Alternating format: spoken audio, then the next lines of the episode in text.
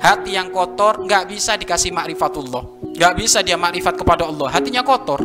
Wah mahabbatihi ta'ala dan dia tidak bisa mencintai Allah. Loh kalau sudah dia nggak bisa mencintai Allah ini sudah awal dari segala malapetaka itu.